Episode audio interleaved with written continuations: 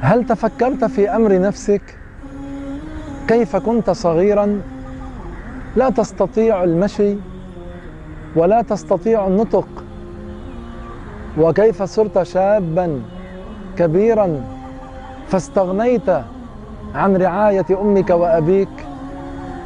وهل نظرت إلى من قبلك بعد أن كانوا في سن الشباب وتحولوا بعد ذلك إلى الضعف؟ ثم إلى الموت.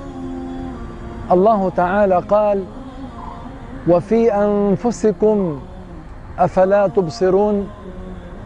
هذه الآية دعوة لأن يتفكر الإنسان في حال نفسه. كيف كان وكيف صار؟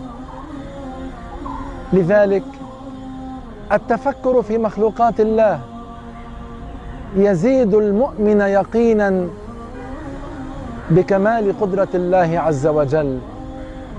فقد قال الله تعالى أفلا ينظرون إلى الإبل كيف خلقت وإلى السماء كيف رفعت وإلى الجبال كيف نصبت وإلى الأرض كيف سطحت. تبارك الله رب العالمين.